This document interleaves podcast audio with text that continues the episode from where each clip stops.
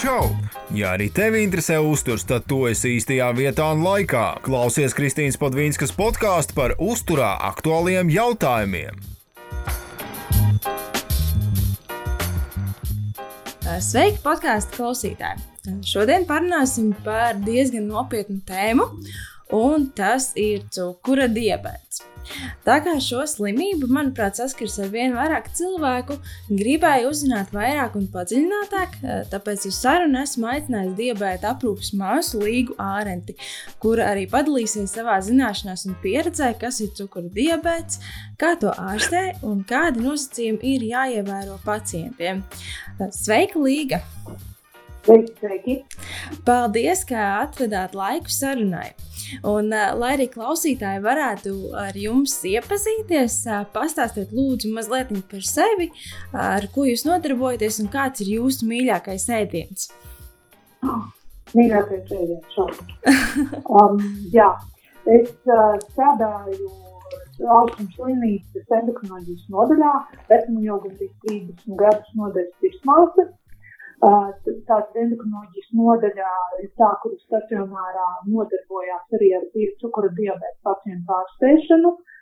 Tā kā pieredze man šajā jomā ir tāda pieklājīga. Esmu arī diabēta aprūpas māso vienības vadītāja. Nu, un, principā, cik vien šī specialitāte Latvijā ir, es esmu tajā visā iekšā. Sāku es arī strādāt kā diabēta apmācības māsa pirms trim gadiem, kad mums beidzot Latvijā uh, Nacionālais veselības dienests pieņēma likumu un sāka finansēt diabēta pacientu apmācību ambulatorijā sektorā.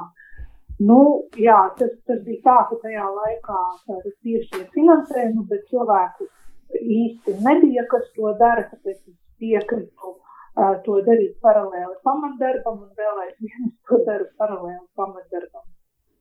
Mm. Par ēdienu, ja, mans mīļākais ēdiens. Ir traki, es esmu pēc horoskopu vērsis, un man liekas, ka vērši ir tādi ļoti izplasīgi, un es varētu nosaukt mīļāko ēdienu no zupām, pa pamatēdieniem no desertiem. Um, jā, man ļoti garšo saldumi tā, tā ir tāda nelaime, un saldumi visi ir garšīgi. Man, protams, garšo arī, arī proteīni, kas ir tā kā dzīvnieku produkti. Mm -hmm. Nu, nekādīgi nevaru kļūt par veģetārieti. Nu, un savā ziņā jau tas kā diabēta māsai varbūt arī ir labi, jo, nu, nav labi, ja cilvēks māca citiem kaut ko darīt vai nedarīt, ja pats, pats to nevar izdarīt, ko viņš māca citiem. Mm -hmm. Un tad, ja tev pašam ir tādas tā kā, kaut kādas tieksmes, tad tu labāk saproti arī tos cilvēkus, kuriem ir diabēts, ka jā, viņam arī gribās to saukt, un viņš nedrīkst. Bet stingri ņemot jau mums visiem, visiem nu, bioloģiskajai sugai cilvēkiem, vajadzētu mūsdienās 21. gadsimtā ēst tieši tā, kā mēs to mācām diabēta pacientiem. Mēs diabēta pacientiem mācām patiesībā uh, normālu, sabalansētu, veselīgu uzturu. Tas, tas, tas viss uh, attiecās arī uz diabēta uzturu. Mm -hmm. Ļoti, ļoti forši man bija īstenībā prieks, ka jūs minējāt, ka jums patīk arī saldumi. Nu, tas, tas arī īstenībā, tas, ko, ko es arī stāstu arī saviem klientiem, ka saldums ēst īstenībā ir ok, bet jautājums ir par to, cik daudz mēs viņu sēdam. Ne? Nevis tur katru dienu, katrā ēdienreizē un tā tālāk. Labi, paldies, Līga, par, par šo stāstu. Un īstenībā man tiešām ir prieks, ka mums ir izdevies tieši ar jums sazināties, jo 30 gadi, manuprāt, tas ir diezgan tāds. Uh, tāds, tāds cienījams pieredzes laiks, par, ku, par kuru ir tiešām diezgan daudz kas arī noteikti mainījies un daudz kas arī jauns noticis. Bet, uh, lai būtu skaidrāks, nu, droši vien arī jūs dzirdējusi tādu, tādu teicienu, ka cilvēki bieži vien domā, ka cukura diabetes viņš rodas no cukura, un, ja ēdīsim daudz, daudz cukuru, tad mums noteikti būs cukura diabetes. Bet uh, kā tur īsti ir? Kas ir cukura diabetes un uh, ko, ta, ko tas ietekmē mūsu veselībā, ja mēs tomēr uzzinām, ka mums ir šī diagnoze. Un, kā zināms, ir pirmais un otrais tips, un, un kā atšķirt vispār, kurš ir pirmais, kurš ir otrais. Un, jā, varbūt tādu tā sīkāku stāstu par to, kas, kas tas ir un kāpēc tas ir. Jā, nu, kā liekas, ka priekš kam sabiedrībai to zināt, bet pieredze uh, rāda dažādi klīniskie gadījumi, pierāda, ka tomēr ir labi, ka arī jo vairāk cilvēki par to zina, jo katram pašam uh, ir labāk, uh, jo nu, dažreiz tie simptomi ir tādi, ka nu, cilvēks neiedomājās, ka tas ir diabetes un meklē kaut ko citu. Uh, un, uh, un, nu, tā ir pēdējā lieta, ko atcerās. Tāpēc ir svarīgi, lai tomēr lai visi kaut ko zinātu par diabētu. Kā jau jūs pareizi norādījāt, ir tiešām divi galvenie diabēta tipi, ir vēl arī citi, bet šī ir tā statistiski lielākā grupa. Tas ir pirmā tipa diabēts, kurš ir pēc saskaņā Latvijas statistiku apmēram 5% no visiem diabēta gadījumiem. Tas sākas parasti bērnībā vai jaunībā, sākas ar diezgan izteiktiem simptomiem. Pirmais simptoms noteikti ir izteiktas slāpes, cilvēks ļoti daudz sāk dzert, un patiesībā attiecīgi tikpat daudz arī sāk čurāt. Nu, tādā svešvalodā to sauc par polidipsiju un polioriju. Cilvēki daudz un tikpat daudz arī čurā. Un tādā veidā arī radies senais vēsturiskais slimības nosaukums, jo melitus nozīmē uh, latīniski medainais, bet diabetes patiesībā šajā senajā valodā nozīmē sifons vai strūklaka, kurš tad uh, kā simbolizē to, ka tam cilvēkam skrien ūdens cauri. Viņš tikai dzer, un cik viņš izdzer, tad viņš ir apmēram arī izšķirā. Um, nu, un paralēli tam, protams, ir um, tas, ka cilvēks diezgan strauji zaudē svaru, viņam ir izteikts nespēks un nogurums. Tā kā sāpju nekādu nav, sliktas dušas pagaidām nav, un šie te, nu, temperatūras arī nav. Tie tie kritiskie simptomi, par kuriem cilvēki uztraucās un meklē mediķu palīdzību, bet šeit nekā no tā nav. Uh, nu, protams, viņi diezgan strauji progresē un parasti notiek tā, ka cilvēks tomēr diezgan ātri pie šādas diagnozes nonāk, viņam tiek konstatēta šī pirmā tipa diabēta, uh, diabēts un viņš nonāk parasti stacionārā.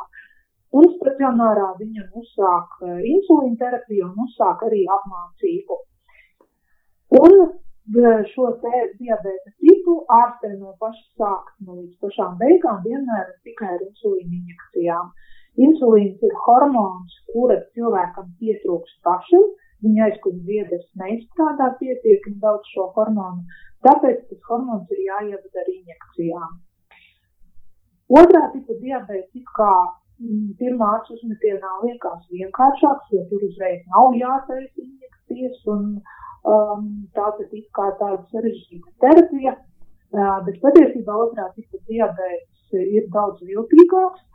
Pirmkārt, jau tā ir lielākā grupa, tie ir Latvijā apmēram 95% no visiem diabetes pacientiem ir tieši otrā tipa diabetes.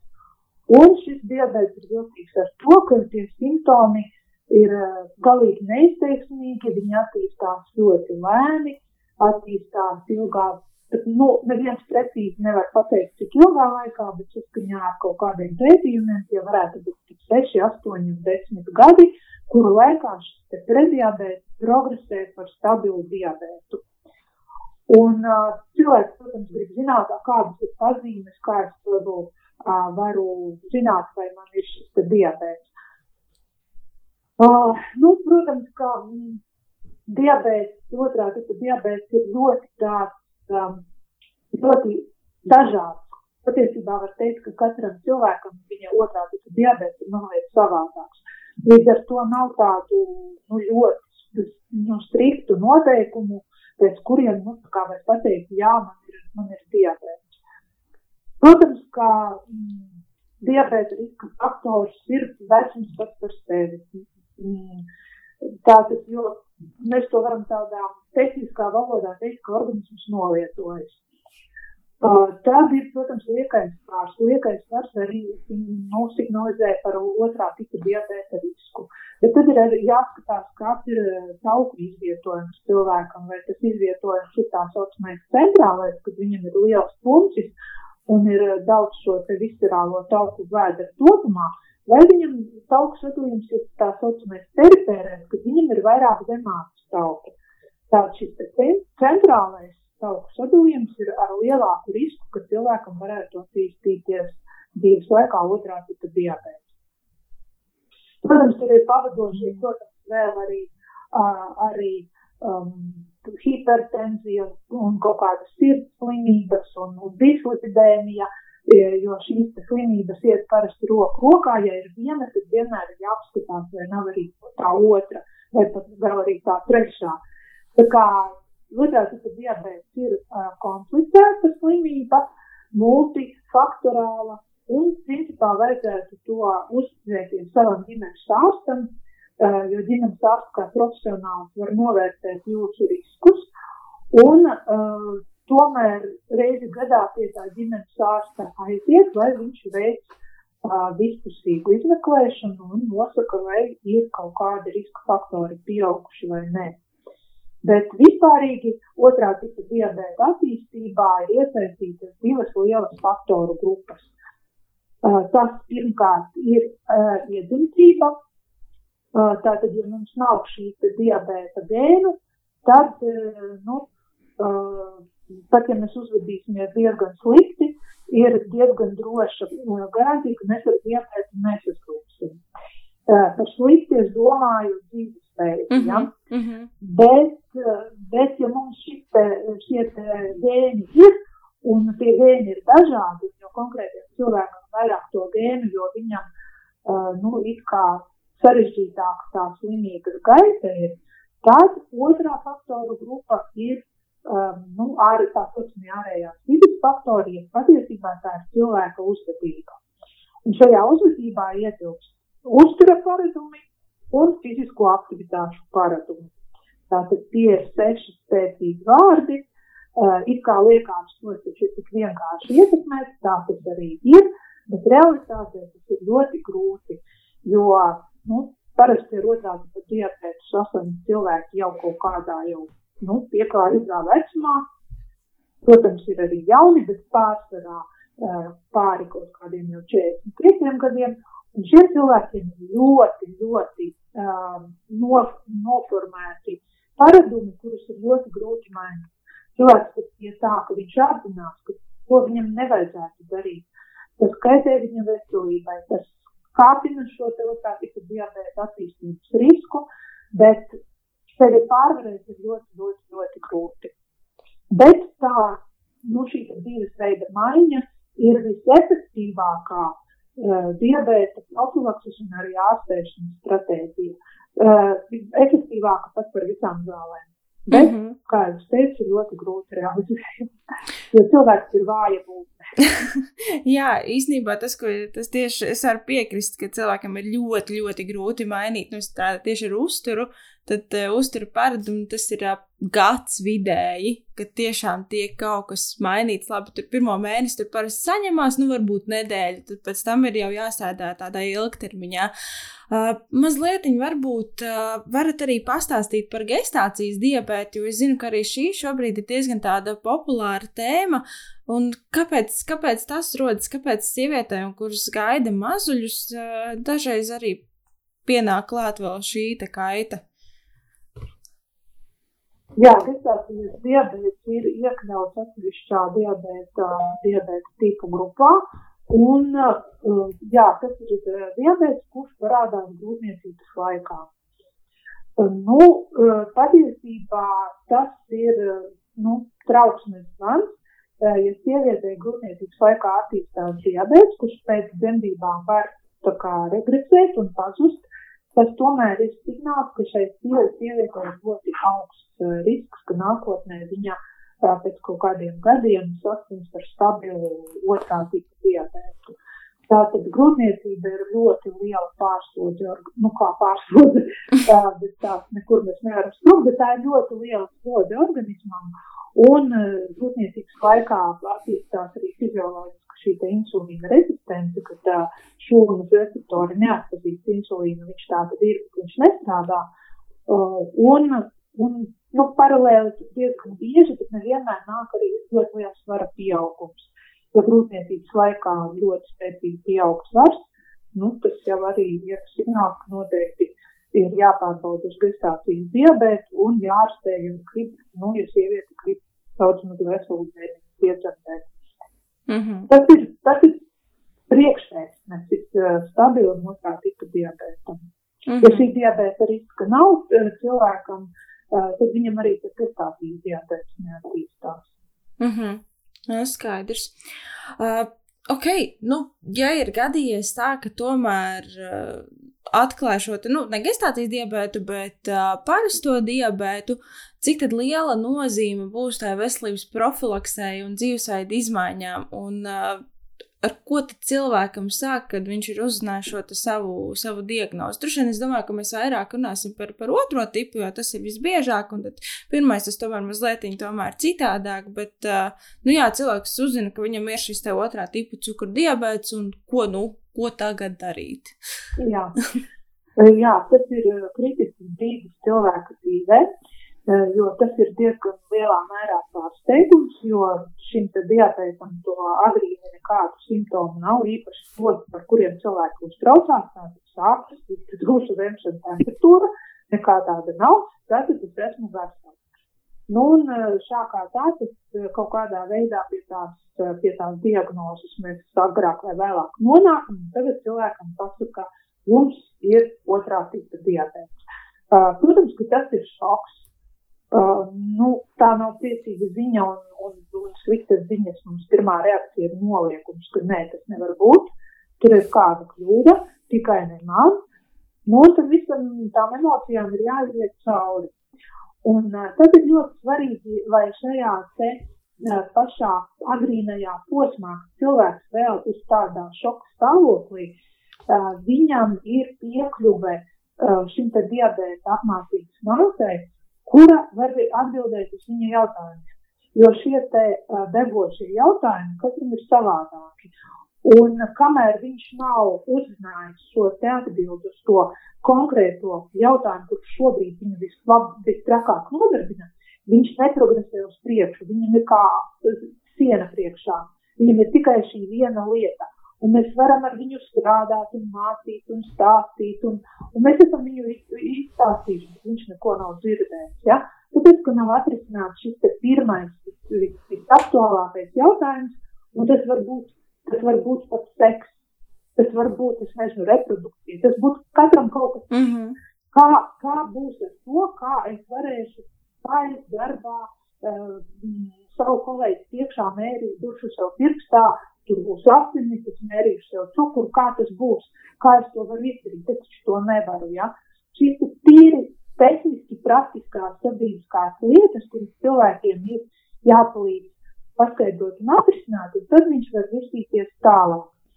Un vēl ir problēma, ja cilvēks pašā sākumā nesaņem šo apmācību, šo atbalstu, viņš pamana uh, pēc, nu, pēc dažām dienām sākumā, pirms viņš ir šausmīgi sabies, uh, viņam neviens neko īsti nepamāca, iedot kaut kādus grāmatiņus, kaut ko palasīt, bet ja varētu mācīties tikai no grāmatām, es varētu likvidēt visas skolas un augstskolas, tikai izsniegt studentiem grāmatas un beigās nolikt eksāmenu. Bet tā, diemžēl, nesanāk. Cilvēkam vajag arī šo skolotāju, kurš viņam palīdz tikt galā ar neskaidriem jautājumiem, jo katram arī domāšanas struktūra ir savādāka. Viņam kaut kur saprast ir vieglāk, kaut ko grūtāk, kaut ko viņš vispār nesaprot, kaut kur viņam traucē kaut kādi stereotipi un mīti, kurus viņš savas dzīves laikā ir jau savāc. Un šos stereotipus vajag izskaidrot, kāpēc cilvēks tā domā, vai tā ir taisnība vai nē. Un tad viņš var virzīties tālāk. Bet, ja šīs iespējas nav, tad cilvēks padzīvo kādu laiku, paskatās, ka viņš īsti neko nedara, bet nekas jau slikts nenotiek. Patiesībā pat viņš pat dzerstās zāles, bet viņš īpaši nekādu, nekādu tādu krasu izmaiņu savā pašsajūtā nejūt. Tad kāpēc vispār kaut ko darīt, ja tāpat viss ir labi? Mm -hmm. Bet, nu, nelaime ir tā, ka diabetes ir tāds klusais tārps, kurš grauž mērķi orgānus diabēta pacientam. Ja viņam ir ilgstoši hroniski augsta glikēmija, kura viņam pašsajūtai īpaši pat netraucē, viņš tik un tā ietekmē šos te mērķi orgānus, kas ir mazie asinsvadi, vēlāk jau lielie asinsvadi, un tās ir periferās nervu šķiedras, nu, kas pārvada impulsus uz, uz tālākajiem ķermeņa daļām, un visgarākās ir, kas veda impulsus uz kājām, un tāpēc tās tiek bojātas pirmās un diabēta pacientiem ir problēmas ar kājām. Tur ir dažādas, par ko var stāstīt vēl kādu stundu, bet nu, šoreiz tā nav tā tēma. Bet šī te tā klusā darbība, kas notiek organismā, kad cukuru līmenis ir augsts, bet viņš fiziski netraucē, tā ir tā, kas, kas uh, vēlāk nu, nāk atpakaļ nu, ar tādu, tādu bumeranga veidā, ka, uh, jā, nebija, nebija nekas, viss bija labi, un pēkšņi tagad visu, visas komplikācijas ir attīstījušās. Nu, nav tā, ka viņas pēkšņi attīstās. Viņas attīstās pakāpeniski, bet uh, agrīnās stadijās viņas tiešām cilvēkiem vispār nedod nekādu ziņu, vispār netraucē. Tad, kad viņas jau sāk traucēt, mēs varam teikt, ka vilciens ir aizgājis. Viņu vairs nevar pagriezt atpakaļ. Mm. Tikai maz drusciņi var pamainīt virzienu tam vilcienam.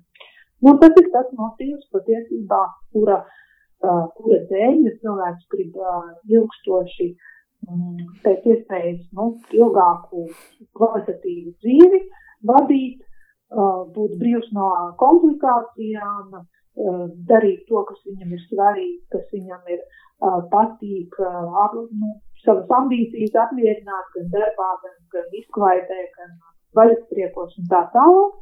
Tādēļ ir svarīgi šo diabetu kontrolēt tomēr no paša sākuma, uh, lai dzīvotu ilgi un laimīgi kopā ar diabetu. Tas ir iespējams. Mm -hmm. Tad, principā, tāds uh, pirmais zaniņš droši vien būtu tas, ka mēs ieraugām asins analīzēs, ka šis līm, glikos līmenis ir paaugstināts. Nu, man jāsaka, ka uh, tas zvaniņš uh, ir agrāk, ja? jo ir tāda otrā tipa diabēta, um, ir tāda uh, viena atkal viltīga lieta, ka um, analīzes parasti taisa tukšā dušā, mm -hmm. un tukšā dušā cukurs var būt normāls. Bet uh, tad, kad cilvēks paēd, tad tā insulīna nepietiek. Un tad pēc ēšanas, pēc ēšanas Cukurs ievērojami ceļās uz augšu. Tur arī var stāstīt garu mehānismu, kā tas ir, kas ir prediabēta jau laikā. Respektīvi, ar to es gribēju jūsu jautājumu atbildēt tādā veidā, ka normāls cukuru līmenis tukšā dušā vēl neliecina, ka viss ir kārtībā. Ja ir vēl citi riska faktori, tad ģimenes ārsts parasti nozīmēs vēl specifiskas analīzes, lai apstiprinātu vai izslēgtu otrā tipa diabēta diagnozi. Mm -hmm. Bet, nu, jebkurā gadījumā, ja tomēr redz, ka ir paaugstināts arī tukšā dušā, tad īsti jau tas laikam nebūs arī kārtībā. Tas, ir, tas jau ir pavisam, tas jau ir pavisam nopietni. Ja jau tukšā dušā viņš ir virs uh, referents intervālā, tas ir jau pavisam nopietni. Ja, jo parasti tukšā dušā ir ok. Mm -hmm. Bet, ja jau tukšā dušā, tad, jau ir varētu teikt, ka ir stabils diabetes. Mm -hmm. Uh, jums kā diabēta aprūpas māsai, jums tomēr tiešām ir šī ļoti lielā pieredze. Uh, kas ir tas, ko visbiežāk ir jāiesaka diabēta pacientiem, un kādi ir tie lielākie izaicinājumi, ar ko nākas saskarties? Jā, jā. Nu, man par cik man nāk šie ambulatorie pacienti, tad uh, tas ir pilnīgi klasiski. Es jau varu atminēt, ko viņi man, nu, kāds pirmais teikums, ko viņi man teiks, jo man patīk uh, tāda interaktīvas nodarbības uh, stils. Man patīk, uh, ka cilvēki runā, stāsta, es viņiem arī uzdodu jautājumus, es viņiem paskaidroju, ka temats ir ļoti plašs sākumā, un uh, Uh, varbūt tā lieta, kura man liekas pati svarīgākā, jums neliekās pati svarīgākā, jums kaut kas cits ir svarīgs, tāpēc būtu labi, ja jūs stāstu par to, kas jūs visvairāk nodara. Kurš jautājums jums ir tāds pats aktuālākais, kur, kur jums tā kā, vai arī diabēta aprūpē kaut kāds punkts, kas jums visvairāk sagādā grūtības. Tad ar garantiju pirmais jautājums ir, ko es drīkstu ēst? Mm -hmm. Uh, nu, tas, ir, tas ir visiem otrā tipa diabēta pacientiem tāds ļoti degošs jautājums, ko es drīkstu ēst.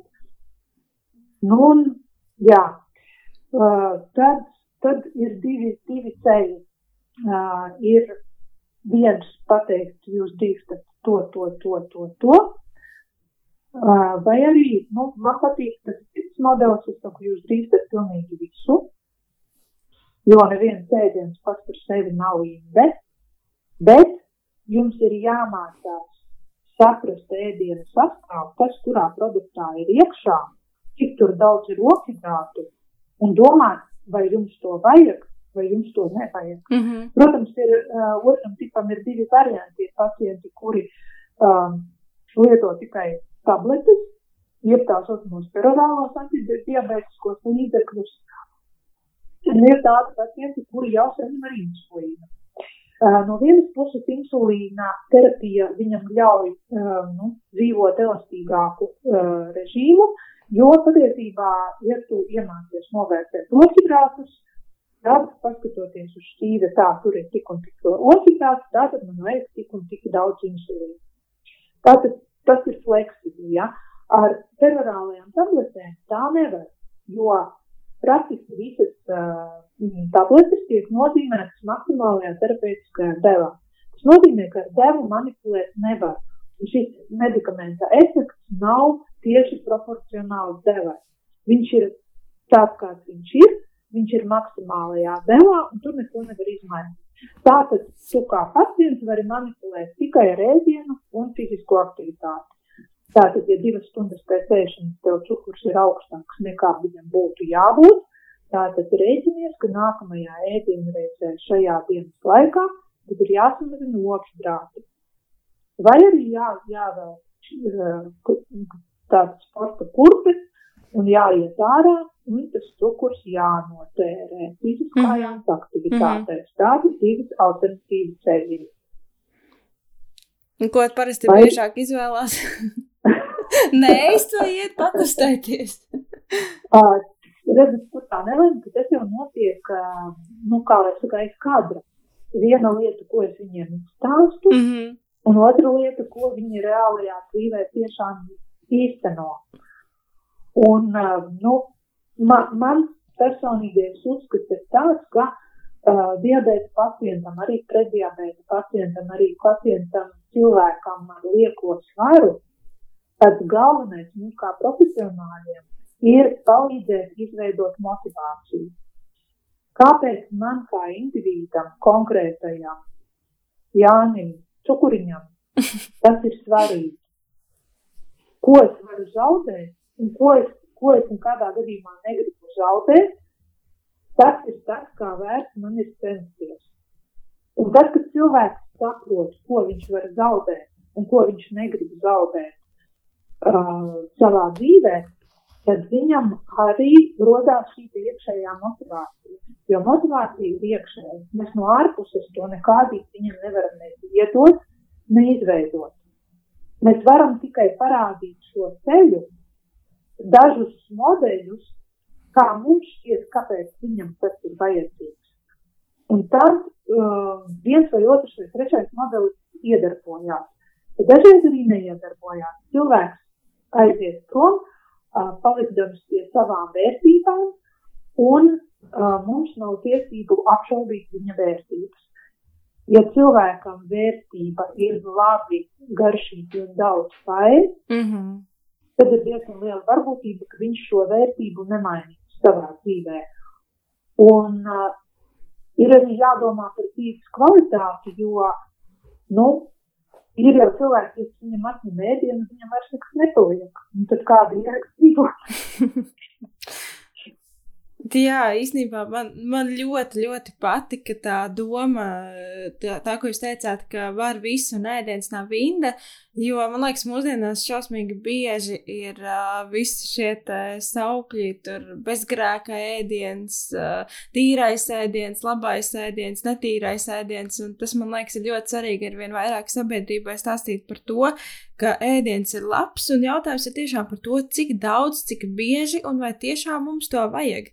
Tā kā tas arī jums, klausītāji, tādai pārdomāšanai, pārdomāt, nu, vai tiešām vajag uh, to vēl vienu kūkas gabaliņu ēst vai apēst visu kūku, un arī tiem, kam ir jāmaina šīs, šīs dzīvesveids, tieši tā kā arī Līga teica, ka, nu, kas, kas tad jums ir svarīgāk, labi paēst vai, vai tomēr dzīvot kvalitatīvi un dzīvot forši un uh, dzīvot tā, lai ir labi. Uh, jā, ko, ko es vēl, kamēr jūs klausījos, ko es vēl domāju, uh, redzam un dzirdam, ka sirds un asinsvadu slimības paliek ar vien jaunākas, ir infarkts, infarkts arī 37 gados, 40 gados. Kā ir ar cukura diabētu, vai ir tā, ka arī cukura diabēts paliek jaunāks un ar vien jaunākiem cilvēkiem tas tiek arī atklāts? Jā, tieši tā arī ir. Bija otrā tipa diabetes, kurš kādreiz klasifikācijā saucās vecu cilvēku diabetes. Um, juvenīlais, tātad pirmais tie, divi tips ir jauni cilvēki, otrais tips ir vecu cilvēku diabetes. Bet sen vairs tādas uh, klasifikācija nav. Uh, jā, otrā tipa diabetes kļūst aizvien jaunāks, un jau arī vecuma grupā, kas tiek definēta kā bērni, uh, nu tātad Latvijā tas ir līdz 18 gadu vecumam, uh, ir jau kādi 80 uh, otrā tipa diabēta pacienti, arī bērnu vidū. Tā kā jā, mm -hmm. arī otrā tipa diabēts kļūst aizvien jaunāks. Es, es varbūt būšu diezgan tieši savā apgalvojumā, bet uh, vai no, nav tomēr tā, ka pie tā jauno bērnu, teiks, tā bērnu cukura diabēta attīstības tomēr būtu jāuzņemās atbildība vecākiem? Jo tomēr vecāki ir tie, kuri gatavo, kuri pērk produktus un, un, un, un, un nu, kuriem būtu jāsako līdz tam bērnu uzturam. Kāds varbūt jūsu domas par to? Nu, pirmkārt, eh, viņi jau ir arī tos gēnus par bērnu uzstādīt. Arī, jā. Sāksim ar to, tātad uh, viņam ir šī te jau iedzimtā nosvieta un predispozīcija, un uh, tālāk, protams, kā uh, lielā mērā un galvenokārt uh, ir jāuzmanās savu atbildību tieši vecākiem. Nu, uh, ir jau tā mūsu tas slinkums, Dažiem, dažiem daudziem cilvēkiem, protams, ir arī šī nezināšana, um, kāds tad ir veselīgs uzturs un kāpēc tāds tieši uzturs tiek uzskatīts par, par veselīgu. Uh, bet um, viena lieta ir nezināšana, un otra lieta ir slinkums no tāda viedokļa, ka ir taču tas ir tāpat kā ar planšeti. Uh, iedod bērnam planšeti un ir miers un klusums. Mm -hmm. Un bērns vairs neko neprasa, un, un vecāki var paši darīt savas lietas. Rēdienu ir tas pats, iedod viņam šo te mm, nu, intensīvo ēdienu, tādu saldu vai treknu, un viņš momentā ir laimīgs, un viņš momentā ir mierīgs. Tev nav ne jāiesprindina sava fantāzija, kā padarīt garšīgu un interesantu šo te veselīgo pārtiku, kā bērnu ieinteresēt, kā, kā varbūt eh, kaut kādas rotaļas kā viņam stāstīt, kā viņam paskaidrot, kāpēc tas ēdiens ir, e, ir e, labāks par to citu ēdienu. Vienkārši arī informējot, lai bērns, bērns ir maziņš, un viņš nesaprot neko no zinātnes, bet ja viņam skaidro kā, kā normālam cilvēkam, tad viņš arī dzird, un viņš klausās, un viņš atcerās, un viņš mācās. Un mano, man, mana pieredze šajos daudzajos gados, ko es strādāju par diabēta pacientiem ir tā, ka uh, cilvēku izmainīt jau pieaugšā vecumā ir praktiski neiespējami. Un retais uh, atrod šo motivāciju un retais uh, kaut ko dara un uh, veiksmīgi dara, pārsvarā aiziet viss tikai uz medikamentiem, viss uzsvars. Bet uh, lielākā, lielākā enerģija būtu jāvelta tieši uh, nākamajai paudzei. Tie ir bērnu dārzi, kur uh, vajadzētu vairāk uzmanības pievērst uz nu, tādu uzturā plānošanai, kāds tas ēdiens ir, lai viņš ir interesants, lai viņš ir karšīgs, lai viņš ir sabalansēts. Tad bērnam ir jāstāsta par to, ko viņš ēd un ko tas nozīmē un kāpēc tas viņam ir vajadzīgs. Un ja mēs bē, maziņam bērniņam jau ieliksim šos te um, kāri, kāri pret, pret kaut kā normāla, veselīga, uh, Un šos paradumus tad arī vēlāk dzīvē nevajadzēs pārmācīt uz kaut kādu citu uzvedību. Viņam šī te pareizā uzvedība ies visa mūža garumā tālāk, un tur mēs varēsim resursus izmantot savādāk. Mm -hmm. nu, jā, tā, tā jau ir, ka bērni arī tomēr skatās, ko tas vecāks dara un, un, un, un jā, kā viņš ēd un kā viņš ēd. Mm. Jā, tas, tas vienkārši tas ir tāds mans novērojums, un, un, un jāsaka, laikam, tāds profesionālais kretīnisms, kas nereti paskatos, kas tad ir uh, cilvēku pārtikas groziņos. Un man uh, ļoti interesanti arī ir, piemēram, tieši ko vecāki ar bērniem iegādājās. Un, uh, nu, es bieži vien neredzu to, ko es, uh, ko es gribētu redzēt. Un uh, pats trakākais bija. Uh, jau kaut kāds pāris gadus atpakaļ, kad veikalā meitene ņēma gurķi, nu, viņai bija kā 3, 4 gadi. Un mamma prasa, kā tu to gurķi ņem? nu, es gribu salātus, un mamma saka, nē, salāti nav ēdiens, paņem kaut ko normālu, un tur, protams, kaut kāda pusfabrikāta, jā, ir groziņā. Nu, tā, tā, tāda ir tā realitāte, tā kā vecāki šis tiešām ir, ir, uz, ir uz jūsu pleciem, jā, gēni, ģenētika, tas ir viens, bet, kā jau arī Līga sākumā stāstīja, tad iespējams šos gēnus tomēr kaut kādā ziņā arī pārvarēt ar, ar savu dzīvesveidu un ar savu uzturu. Tā kā noteikti, noteikti sekojiet, sekojiet tam līdzi. Uh, Līga, pastāstiet lūdzu par tādu cukuru diabēta pacientu uzturu un dzīvesveidu. Varbūt arī par maizes vienībām varat pastāstīt uzturu dienas grāmatu rakstīšanu, ko, kam pievērst uzmanību, ko var tā kā varbūt mazliet lai, laist garām. Bet, jā, kā, kā izskatās tā viena diena cukuru diabēta pacienta dzīvē? Ah, viena diena. Tātad, uh, diabēta pacients pamostās, Un viņa dzīve ir tāda kā visiem citiem. Viņš sakopjās, personīgo higiēnu un tā tālāk. Eh, tālāk viņam ir vēlams izmērīt cukura līmeni. Tātad viņš dur pirkstiņā, eh, viņam ir glikometrs, viņš ar šo glikometru izmēra cukura līmeni asinīs. Viņš ieraksta savā dienas grāmatā šo ciparu un, protams, ka viņš novērtē šo ciparu. No rīta pirmais cipars viņam liecina par to, kā viņš ir pārlaidis naktī. Jo cukuru līmeņa mērījums vienmēr tā ir retrospekcija. Tas ir, mēs redzam rezultātu, kas ir iepriekšējo stundu, uh, stundu notikumu rezultāts. Tātad ir jādomā tā, šobrīd ir tā. Pirmais, es domāju, kāpēc tā ir noticis. Es uh, paskatos atpakaļ notikumus, kuri to varētu būt ietekmējuši. Tālāk mēs pieņemam lēmumu, ko mēs tagad darīt, lai es ar to varētu tikt galā. Un tālāk ir brokastis. Ja cukurs ir normāls, viss kārtībā, mēs neko nemainām. Diabetes pacients saliek sev šķīvjauus uz galda to, ko viņš apmēram grib ēst, un viņam ir jānovērtē šie okitrātību maizes vienības. Un, attiecīgi, okitrātu daudzumam viņš uh, var pieskaņot insulīna devu. Tas nozīmē, ka viņš kā jebkurš uh, cits cilvēks var ēst katru dienu kaut kādu citu ēdienu un citā apjomā. Ja vien viņš spēj uh, veiksmīgi novērtēt, novērtēt šo apjomu un pieskaņot insulīna devu. Uh, daudzi tādi ļoti um, veiksmīgi diabēta pacienti, kas ir tā kā tādi nu, angliski viņus sauc par čempioniem, uh, latviski es nevarēšu atrast vārdu, viņi man iebildīs, ja, jo pēc maniem vārdiem sanāk, kā tu vari ēst da jebko, galvenais, ja tu spēj novērtēt oksitrātu daudzumu, ieskatēt insulīnu, viss būs kārtībā.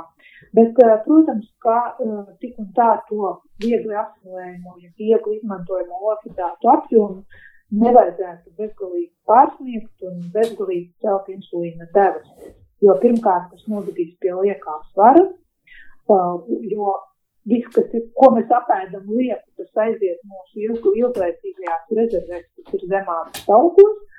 Tā ir, tā ir viena problēma. Otra problēma, protams, ka šie te, uh, nu, tik un tā mēs nevaram pilnībā visus faktorus, jo cukuru līmeni asinīs ietekmē ļoti daudz un dažādi faktori, un mēs viņus visus nevaram nekad izrēķināt. Un ēdienā citreiz ir vairāk tauku, citreiz ir vairāk olbaltumu.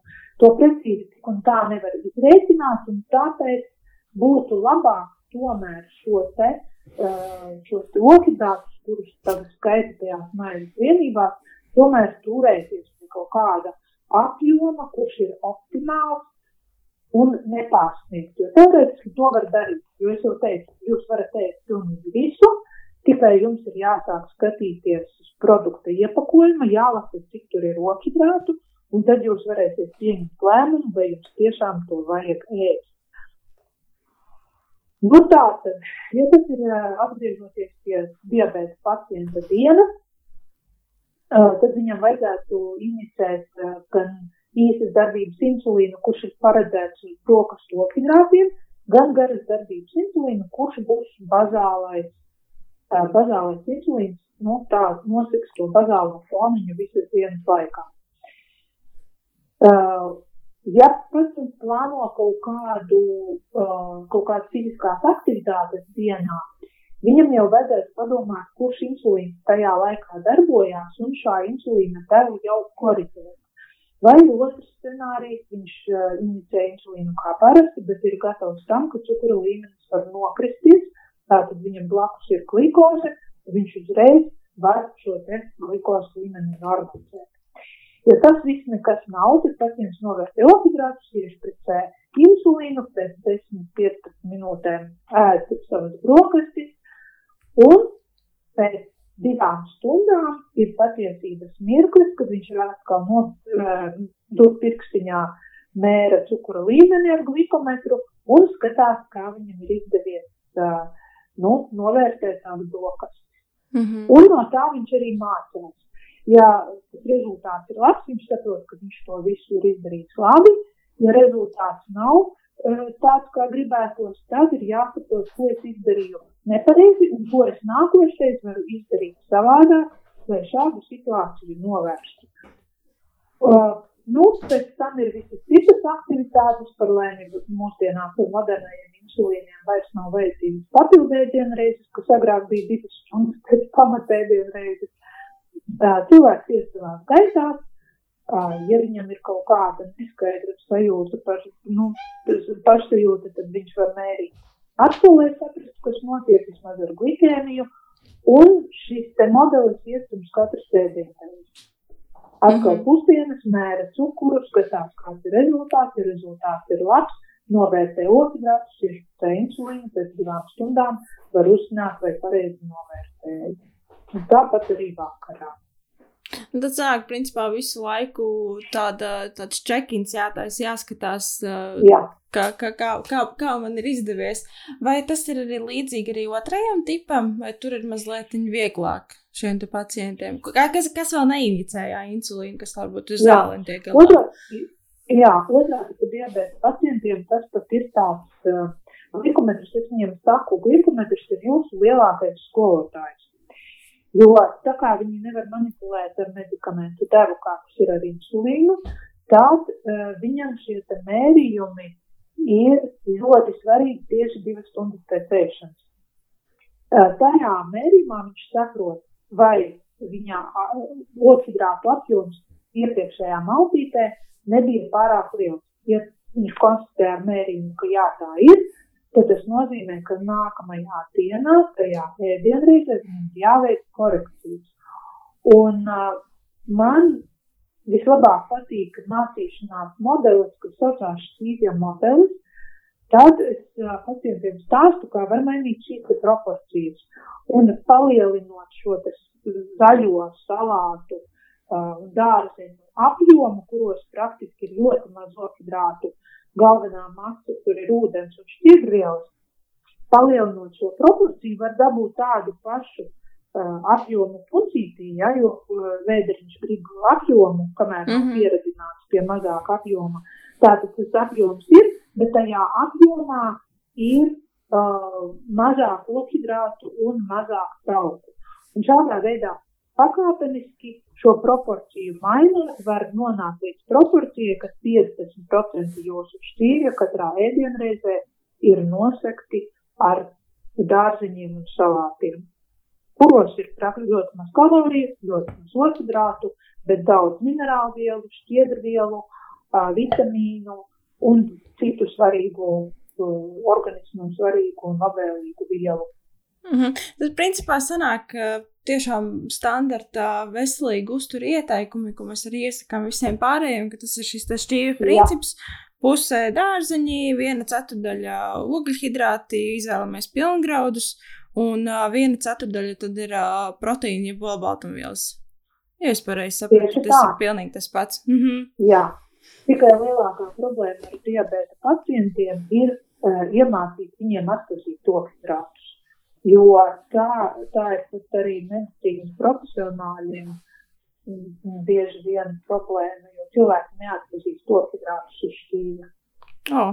Un tas ir tas pirmais solis, ar ko mēs sākam vienkārši uh, mācīt, iemācīties atpazīt to hidrātus, kur tad tev ir jāskaita, kur tad tev nav jāskaita. Jo nu, arī tas tāds teiciens no pacientiem ir ļoti klasisks. Man tikpat kā nav, es tikpat kā neko nēdu, man nav apetītes. Mm -hmm. Tad ko es, drīk, ko, ko, ko es vispār drīkstu ēst? Um, un, un uh, noskaidrot uh, no viņiem, kas viņu izpratnē ir ēdiens. Jo man bija, nu, tad, kad mēs uh, mēram cukuru līmeni asinīs, tad, uh, ja tas rezultāts uh, nu, ir atšķirīgs no šiem mērķa lielumiem, tad ir uzreiz jāuzdod uh, svarīgs jautājums. Un jautājums ir, pirms cik ilga laika jūs esat ēdis? Tad ir, jo, ja ir ēsts pirms pusstundas vai pat pirms stundas, tas ir normāli, ka tas cukurs ir augstāks. Tā, mm -hmm. tā nav problēma. Bet tad ir svarīgi, lai, lai mēs ar šo pacientu uh, domātu vienādi, kas ir ēdis. Jo man vienreiz, nu, protams, visādi kuriozi ir, bet atbildi piemēram šāda. Bet es šodien vispār vēl neesmu ēdis, tikai kafiju un būciņu. Nu jā. jo tas taču nav ēdiens. Ja? Mm -hmm. Tātad cilvēkiem ir jāsaprot visu, ko jūs uh, pārtikas produkts, ko jūs liekat mutē, viss ir ēdiens. Pat ja tā ir neliela uzkoda, uh, tas ir ēdiens. Un tad mēs skatāmies ķīmisko sastāvu. Cilvēka labākais draugs ir um, šis te mm, informācijas, jebkura pārtikas produkta iepakojuma. Tur viss, kas jums vajadzīgs, ir pateikts. Tur ir kalorāži, tur ir tauku saturs, olbaltumi un ohidrāti. Un tad jūs tur skatāties, un tad jūs domājat, a man to vispār vajag, vai varbūt man to vispār nemaz nevajag. Mm -hmm. Kā šīs te, šīs, šīs te sarakstiņš ir cilvēka labākais draugs. Un tur, tur ir viss, mēs, um, mēs tad varam vispār neko nedarīt, ja cilvēks iemācās to, to informāciju pētīt un mācīties no šīs informācijas. Viņš pilnīgi var iztikt bez mums. Bet, nu, Pagaidām tā vēl nenotiek. 30 gadu garumā laikam tad jau nav, nav izdevies, un tomēr ir vajadzīgs jā, šis skolotājs, kurš kaut kā pasaka, kā lasīt šīs etiķetes. Jā, kā šķirot informāciju. Arī. Diemžēl ir internets, un internetā ir ļoti daudz muļķību. Jā, jā, pilnīgi piekrītu. Mēs arī podkāstos uh, esam runājuši par, uh, par tādu kritisko domāšanu, kur ir jāpasako līdzi, kas ko stāsta, kam ko jautājat un tā tālāk. Uh, mazliet jā, par fiziskajām aktivitātēm varbūt uh, kas tad būtu tas, tas ieteicamais un tas labākais, vai tas būtu kāds izturības sports, piemēram, vai spēka sports, komandas sports. Kas ir tas, ko no fiziskajām aktivitātēm jūs tieši iesakāt saviem pacientiem? No fiziskajām aktivitātēm es iesaku to, kas cilvēkam ir tuvāks sirdī. Mm -hmm. Jo, lai vai cik tas būtu, varbūt enerģētiski uh, pagāts uh, sporta veids, ja cilvēkam tas nepatīk, viņš to nedarīs. Uh, protams, standarta vadlīnijas mēs visi zinām, ka tās ir vismaz 150 minūtes nedēļā, kas nav daudz. Nav daudz piekrītu. Bet uh, tā ir uh, vēl piebilde, ka tā ir vidējas intensitātes sodi. Un atkal tāpat kā rokidrātiem, kā viņus atpazīt, kā atpazīt vidējas intensitātes fizisko sodi.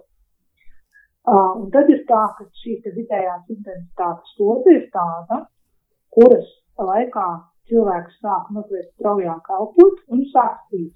Tas ir vidējas intensitātes sodi. Vienkārši pateikt, tāda nav, bet tik un tā vienkārša pastaiga ir labāka kā nekas. Un nav tāda universāla ieteikuma, e, jo, nu, sevišķi, ja strādā ar pacientiem, ja, kuriem jau ir neviena viena slimība, mm. ir ļoti svarīgi paskatīties, kas viņam ir vēl, kādas viņam ir vēl blakus slimības, e, kāda viņa ir fiziskā sagatavotība, koronā, nu, visas komplikācijas un vispārējais, Un ņemot to visu vērā, uh, mēs pielāgojam konkrētajam pacientam kaut kādu fizisko aktivitāšu režīmu, pat līdz tādam, ka nu, šīs 150 minūtes nedēļā var sadalīt piecās dienās 30 minūtēm. Un uh, ir skaidrs, ka tam cilvēkam 30 minūšu ilga fiziskā aktivitāte ir uh, pat bīstama uh, un um, nu, viņš to nevar izdarīt.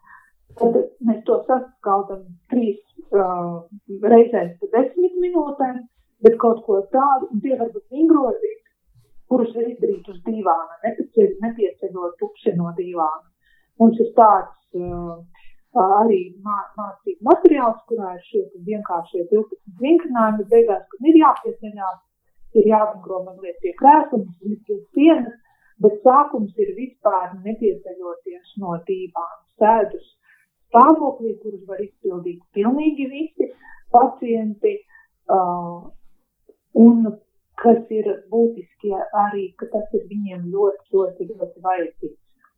Un tad lēnām garā var celt šo gan ilgumu, gan intensitāti, bet, ja nav šo pavadošo uh, slimību, tad manā saprašanā viss ģeniālākā fiziskā aktivitāte tomēr ir nūjošana.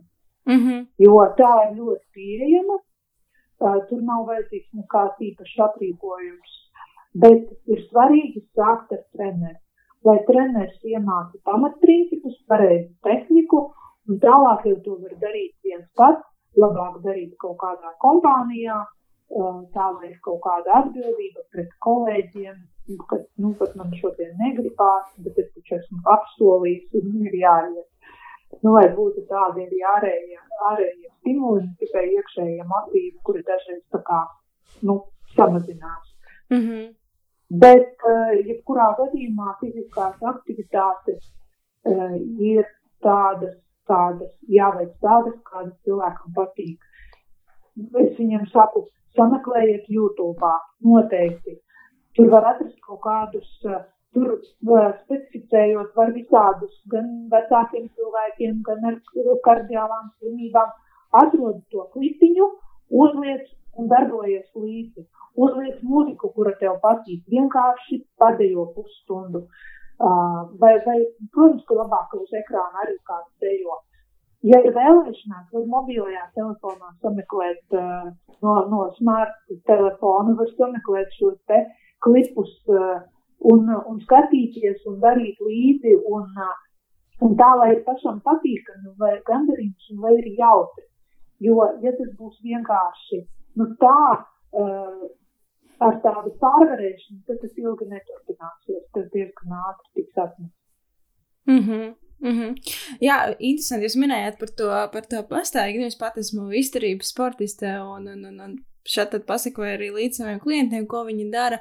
Un īstenībā jau bieži vien ir tā, nu, mums tā, tā fiziskā sagatavotība ir tik, tik zema, es teiktu, ka pat pastaigas laikā nereti cilvēki tomēr sasniedz šo mēru no fizisko slodzi, iziet ārā tādā raitākā solītī, nu tur pulss ir 120, 130, ja, kas vidēji tā skaitās šī mērenā slodze, bet tiešām tā, tieši tā kā Līga arī teica, ka noteikti, nu, labāk būs tad, ja jūs kaut kā sāksiet ar desmit minūtēm, kaut vai ar nezinu, piecām minūtēm. Tas jau būs vairāk nekā nekas.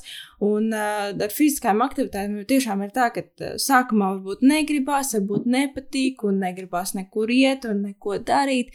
Bet uh, man personīgi nav bijusi neviena tāda reize, kad es uh, atnāku no treniņa un saku sev, ai, cik stulbi, ka es aizgāju to treniņu, nevajadzēja iet. Ja? Nu tā, kad, kad būtu tā, tāds slikts garstāvoklis pēc tam jau treniņu un fiziskās aktivitātes, tas ne tikai labi jūsu fiziskajai veselībai, bet arī mentālajai.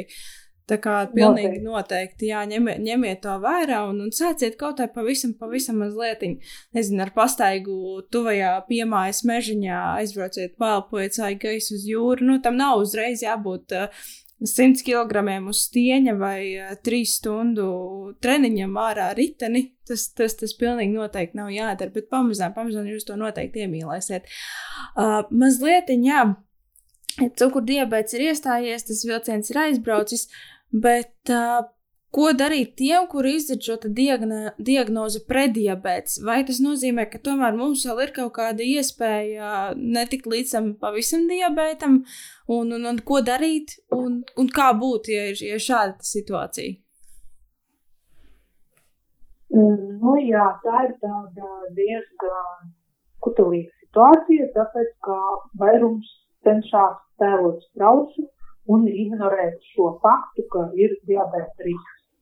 Protams, jā, mm, cilvēkam ir vēlme kaut ko darīt, tas ir ideāli, un tas ir tas pats, kas, kas no bērnības, tas pats, kas ir kuram arī cilvēkam, kuram vēl nav veselības problēma, tas pats ir cilvēkam, kuram ir jau diabēta risks, un tas pats ir tas pats viss um, programma ir arī tam cilvēkam, kuram jau ir stabils diabēts.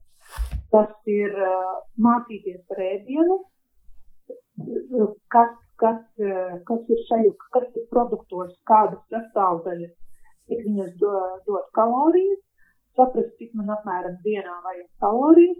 Man liekas, ka ļoti iedarbīgi būtu sākumā vienkārši sākt pētīt ēdienu, mācīties par ēdienu un saskaitīt, cik tu kalorijas patērē dienā. Mm -hmm.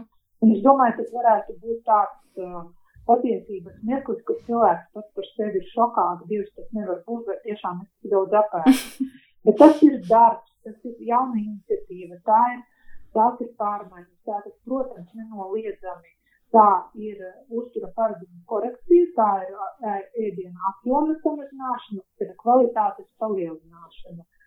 Tad ēdienam ir jābūt mazāk, bet kvalitatīvākam.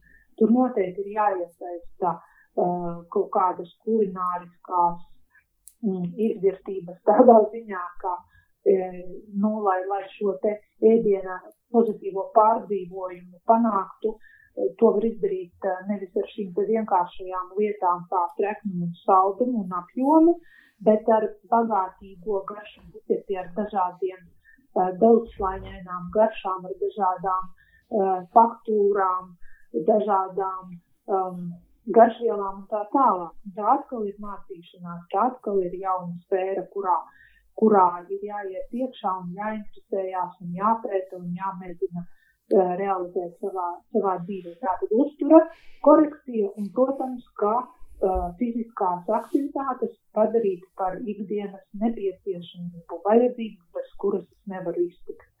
Sākumā ir grūti uh, sevi pārvarēt, jo cilvēks kā bioloģiska būtne ir programmēta taupības režīmā.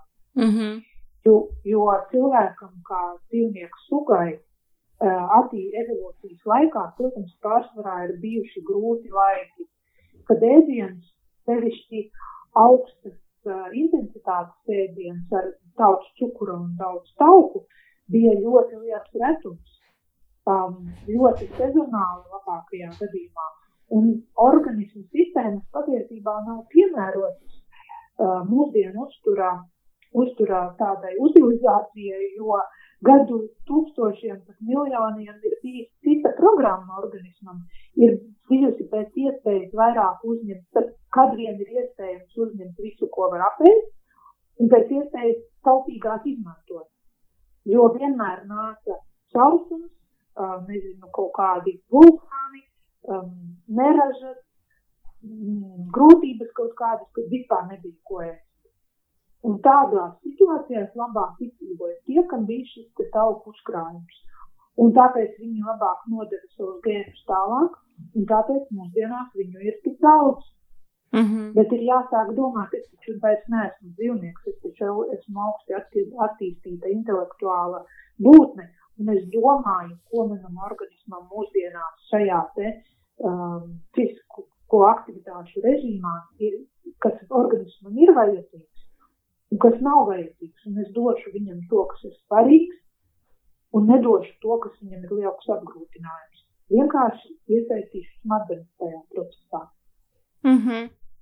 Nu jā, tas, tas arī, ko, ko, es, ko es saku arī cilvēkiem, kas, kas arī vēršas pie manis, tad saka, no, ka veselīgs uzturs, fiziskās aktivitātes, nu, tā, tā nav tāda īstermiņa aiz, aizraušanās, tas ir ilgtermiņa darbs. Un uh, noteikti arī jūs esat pamanījis, ka arī cukurdiabēta pacientiem droši vien nevienu vienu reizi vien viņa atnāk pie jums, nu, tie, kas, protams, nepaslēpjas, ja tie, kas saprot, ka, ka lieta ir nopietna un ka ir jāstrādā. Uh, Tā kā es noteikti, ait, noteikti aicinātu katru domāt, pirms tā slimība jūs uh, skar un jūs aizsniedz, uh, labāk domāt par profilaksu, jo tā vienmēr būs lētāka nekā, nekā ārstēšana. Es domāju, ka neviens tur ļoti negrib ne, nešpricēties, nedzert visādas tabletes un zāles un tā tālāk. Uh, Uh, Līgai es jums teikšu, milzīgi, milzīgi paldies. Man bija ļoti interesanti. Un, uh, jā, es nebiju nekad iedzinājusies, ko nozīmē tas diabetes milītus. Uh, tagad es arī zināšu, kas, kas tas ir, no kurienes arī cēlēs šis nosaukums. Un, uh,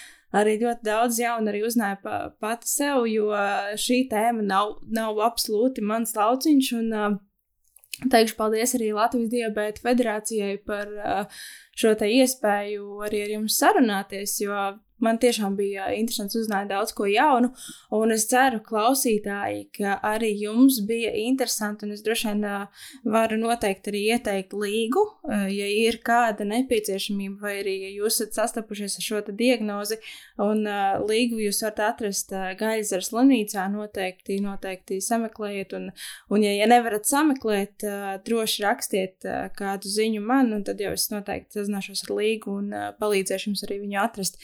Tā kā rūpējieties noteikti par savu veselību un rūpēties arī par savu, savu klātsošo veselību. Un uh, līgi tas, ko es arī jums varu novēlēt, uh, lai tiešām arī mierīgs arī šis periods, jo, kā es atceros, pagājušajā reizē mums sanāca pārkārtot uh, podkāstu, jo jums tur nodaļā šāds un tāds izmaiņas. Tā kā es ceru, ka arī šis viss kādreiz mums. Uh, vīrusu Jā. periods beigsies, un uh, mēs varēsim vairāk arī pievērsties tām saslimšanām, kas nekur nav pazudušas kas ir šis pats cukura diabetes. Jā. Jā, paldies par iespēju runāt, uzrunāt cilvēkus, paust savu, savu, dalīties savā pieredzē un zināšanā, un lai visiem laba veselība. Jā, paldies jums, klausītāji. Un atgādināšu, ka podkāstu jūs joprojām varat atrast mājaslapā www.kristīna.lv, arī Spotify, SoundCloud. Un, ja nevarat atrast, droši rakstiet arī man Instagramā. Un uh, varat atrast arī vēl daudz, daudz citas tēmas, par kurām mēs runājam, gan par uzturu, gan par fiziskajām aktivitātēm. Uh, lai visiem laba veselība, uh, saudzējiet sevi, mazgājiet rokas, ieturiet distanci, valkājiet maskas un viss būs kārtībā. Mēs arī tiksim šim te cauri. Atā!